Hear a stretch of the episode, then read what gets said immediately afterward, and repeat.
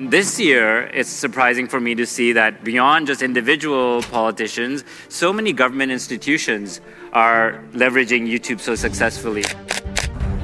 Bangsa Indonesia itu super kreatif, super inovatif. We are constantly working super hard to make sure that we're providing uh, the best training to our creators, Yeah. uh, improving our tools uh, so that they can tell better stories.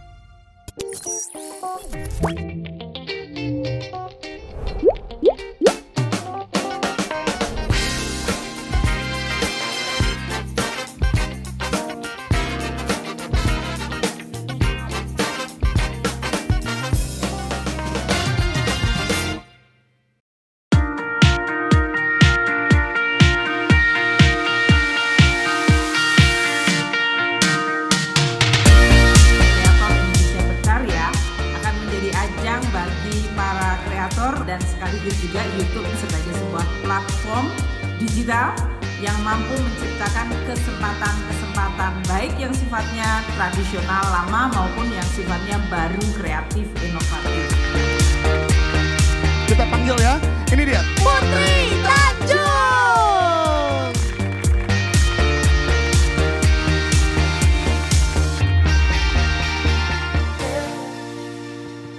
Tes tes. Selamat pagi teman-teman semua. Senang sekali hari ini bisa diundang jadi bagian dari acara yang sangat menyenangkan pada pagi hari ini. Em, dan seru sekali karena hari ini em, kita benar-benar syuting episode ngobrol sore semaunya. Jadi nanti akan tayang langsung di YouTube-nya CXO Media pastinya. So, welcome to ngobrol sore semaunya with me Putri Tanjung. Uh, today's ngobrol sore semaunya episode is super special because today we are here at Royal Glasshouse Park Hyatt for the YouTube Impact Report Launch 2023. And our guest is very special and has come all the way from Singapore the one and only, the Vice President of YouTube APAC. Please welcome Mr. Gautam. Hi. Selamat pagi. Selamat pagi. Hi, Mr. Gautam. Good. I'm How's good. your bahasa? It's okay. It's okay. How are you? I'm good. I want to say good morning to everyone. Um, I also wanted to thank the minister for her kind words uh, and also tell her that what she outlined as her objectives is so aligned Yeah. with all of our efforts as well.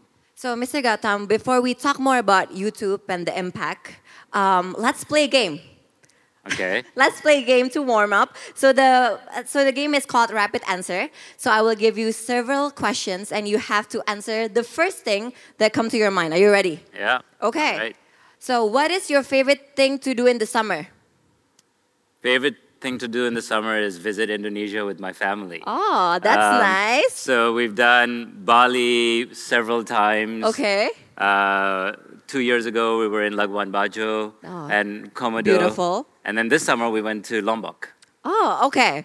So, um, what item is worth spending most for you?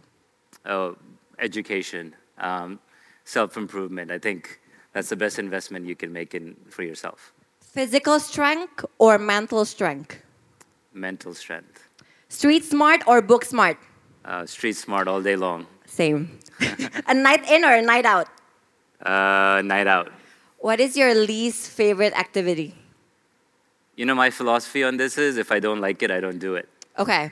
Last question. What is your favorite feature on YouTube right now? Feature. Yes. Um, I think I'm very excited about some of the things we've announced with uh, AI Okay. and generative AI, and we'll talk a little bit more about that in our session. Great. So, talking about YouTube, as the vice president of YouTube APAC, what are you watching these days? And do you have any favorite Indonesian creators? Okay, so the second part of the question on favorite creators, uh, it's like asking a parent who's your favorite child. yeah. uh, um, the minister talked about the diversity of Indonesia, um, and that's to me the beauty of YouTube as well. Is like our creator ecosystem is so diverse, uh, and so to me they're all my favorites. Um, as far as what I'm watching. Um, you know, I've lived in lots of different countries. Um, so I grew up in India, then I moved to the US for high school, college, uh, grad school, and then moved to Singapore in uh, uh, 14 years ago. So I've been exposed to a lot of cultures. Um, and what's interesting about YouTube is that that's three countries, right? But on YouTube, you can actually be exposed, exposed to cultures from all over the world. Yes. And then on top of that, I'm a foodie. And Oh, so same. I like to combine culture and food in what I like to watch. Uh, so most recently, I've been watching videos from the Kimbab family, which is a multicultural family here in Indonesia uh, that goes and tries a lot of street food together. Uh, you know, and, and it, they're great videos, and the food always always looks yummy. So, so for me, it's the, the fusion of culture and food, uh, and experiencing that through YouTube. So I'm, I remember we met last year during the first Impact Report launch, and um, we met a lot of creators, we met food bloggers, and everyone. So, what have you been busy in this past few years, and what have been YouTube been busy for this past few years? Yeah, so, you know, we are constantly working super hard to make sure that we're providing uh, the best training to our creators, Yeah. uh, improving our tools uh, so that they can tell better stories. Um, uh, I'll walk through a few different efforts. So, um, tr- when we talk about training, sh- Shorts has been a big thing for us. And so, Ang Shorts Bareng is a program we've been running here in Indonesia where we've done workshops in over 10 different cities um, to help creators get better in, in storytelling through shorts. Uh, and that's been a huge success. Uh, in fact, uh, we just announced on our earnings call uh, yesterday that Shorts globally is now generating 70 billion views a day. Wow. And that was 50 billion views just six months ago. Wow. And Indonesia is one of our largest markets for Shorts. So th- there's a lot of work that's gone into that. Uh, the minister talked about the importance of education. Um, so we've been working with Kokpisa and the Ministry of Education to train, I think, over 2,000 uh, teachers and, and students on how to create better learning content because that's such a big part of our ecosystem. Um, I talked about AI, and there's a lot of excitement. I think AI is going to really supercharge creation, and it's going to be amazing for our creators. Um, so just a few weeks ago, at our event, which is called Made on YouTube, our annual event, we announced something called Dream Screen, uh, which will allow creators to use prompts to generate image and video background. So imagine you have a team, you go find the best spot to shoot. Yeah. Uh, now, so much of that can be enhanced through AI. So we're excited about that. Uh, we also announced a, uh, a new app called YouTube Create, uh, which is a uh, lightweight mobile app. It's free uh, that will allow you to be able, creators to be able to edit uh, right on uh, on their mobile phones, uh, and so that's a that's that's a that's a great uh, improvement for us. So yeah, I mean, those are the things that I've been excited about. Um, you know, and when you add all of that up, you know, monetization is obviously obviously important. So we talked about creation. Um, we've gone from just one way for creators to make money to over A lot of ways. eight ways, eight different ways to make money uh, on the platform. And the channels earning revenue from these alternative sources in Indonesia has grown 170%, or, you know, from, from Crazy. 2021 to 2022. So that's been amazing. And then with combination of all of these innovations we've shared, the short, the growth of shorts, and all the different ways of monetizing, that's all led to uh, YouTube contributing 7.4 trillion Indonesian rupiah to the Indonesian GDP. So uh, I'm very proud of all the hard work from the creators here and obviously the impact that we're having on the country as well. So, talking about all the innovations and creators, there are so many platforms available now, right? So, how creators can it's and it it's now for me as a creator myself, it's very hard for me to des- decide. So, does it make it so? Okay, brief me like where to begin our creation journeys because there's so there's many innovations, there's a lot of different platforms. So, where do we start? Yeah, no, it's true. I mean, obviously, I've been involved with YouTube pretty much since Google acquired it in 2006, and op- the optionality for creators has grown. And it's great. I mean, I think it's great for the creator economy, but creators will gravitate towards whichever platform gives them the access to the best audience, the largest audience, and uh, a combination of monetization opportunities. And I, you know, I feel like YouTube is and continues to be the best place for creators because we allow them to be multi-format, which means that you know, I talked about shorts. Uh, they can express themselves through short form video. They can express themselves through long form. We have live streaming. And we have recently also uh, uh, launched audio and podcasts. And so when you think about the combination of those formats, now you can decide as a storyteller which is the best format for you to for you to use, right? And so that's uh, I think to me the big differentiator. And when I talk to creators, you know, they aspire to be on YouTube because of that, uh, because it gives them that optionality. And you know, as a result of that, uh, we've seen you know we've seen creators succeed a lot here as well. I talked about the, the impact, but the number of channels that are earning more than 100 million rupiah a year in Indonesia has grown 35% year over year. Uh, so that's great. And then when these channels grow, and the minister talked about the impact of that, it has a ripple impact uh, across the country uh, because a lot of these channels now are hiring uh, staff uh, in order to help them with their with their content and programming. And so, uh, you know, so that's a that, that's that's great for not just our creators but for the country as well. Uh, you know, you you've got a business, and yes. you know you've got channels on YouTube. Yes. You, you, started in 2020. We started in 2020 with only 18 members, yeah. including myself. Uh, we run uh, five show series, five IPs. Um, now we have 100 team members, wow. and we run um, 20 plus IPs. So that's great, right? So that's one example right there. Yeah.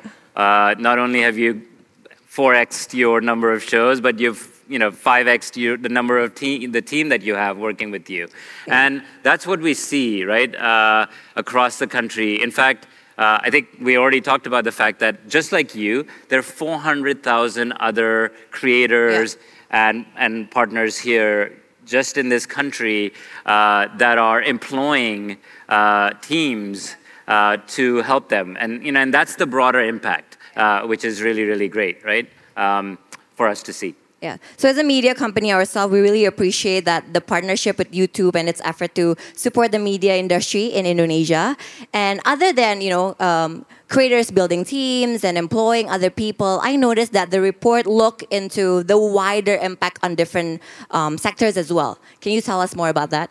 Yeah, so first let me hit on the media company part. You know, we talk a lot about creators, but yeah. media companies are an important such an important part of our ecosystem as well. And just like we are adding value to creators, we're also providing a lot of value to media companies, specifically when it comes to helping them reach global audiences. Yeah. And when we did the report and the surveys, uh, 73% of media companies actually said that we help them grow their reach. And I'm sure you see that yes, too. Yes. Like I'm sure you have audiences not just from Indonesia, yeah. but people are watching your shows from other parts True. of the world as well. And that's the beauty of being a global audi- a global platform that we can allow that to happen.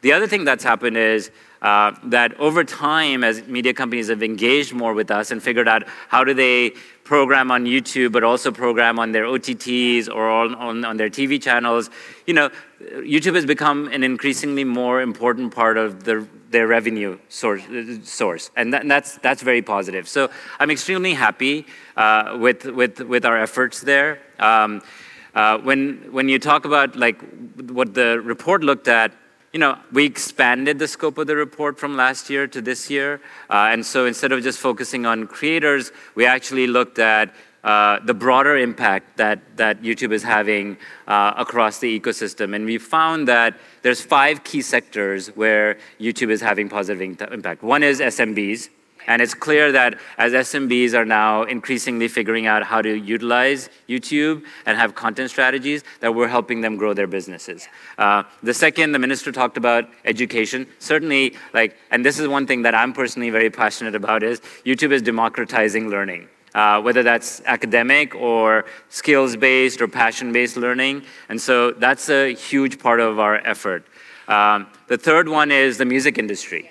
Uh, and you know, the music industry is benefiting now not just from the advertising revenue that we are generating, but also through our subscriptions business. Uh, and that subscription business is doing extremely well. In fact, we've got 80 million paying subscribers globally now. And so that creates a dual revenue stream uh, for our music partners. And they also know that YouTube remains critical for them for breaking artists and breaking new music. In fact, 83% of them right here in Indonesia said that, that YouTube is critical for that.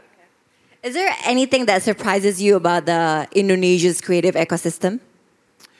Uh, you know, last year when I was here at our event, uh, it was incredible for me to experience how politicians, the governor, yeah. the mayor, yeah. ministers, were all uh, using YouTube uh, so effectively, yeah. right? In fact, Minister Sandy was at our event and he joked. He said, "Oh, Gautam is here. I need his help to grow my subscribers," right? And so, uh, uh but you know that, that you you know you see that quite often.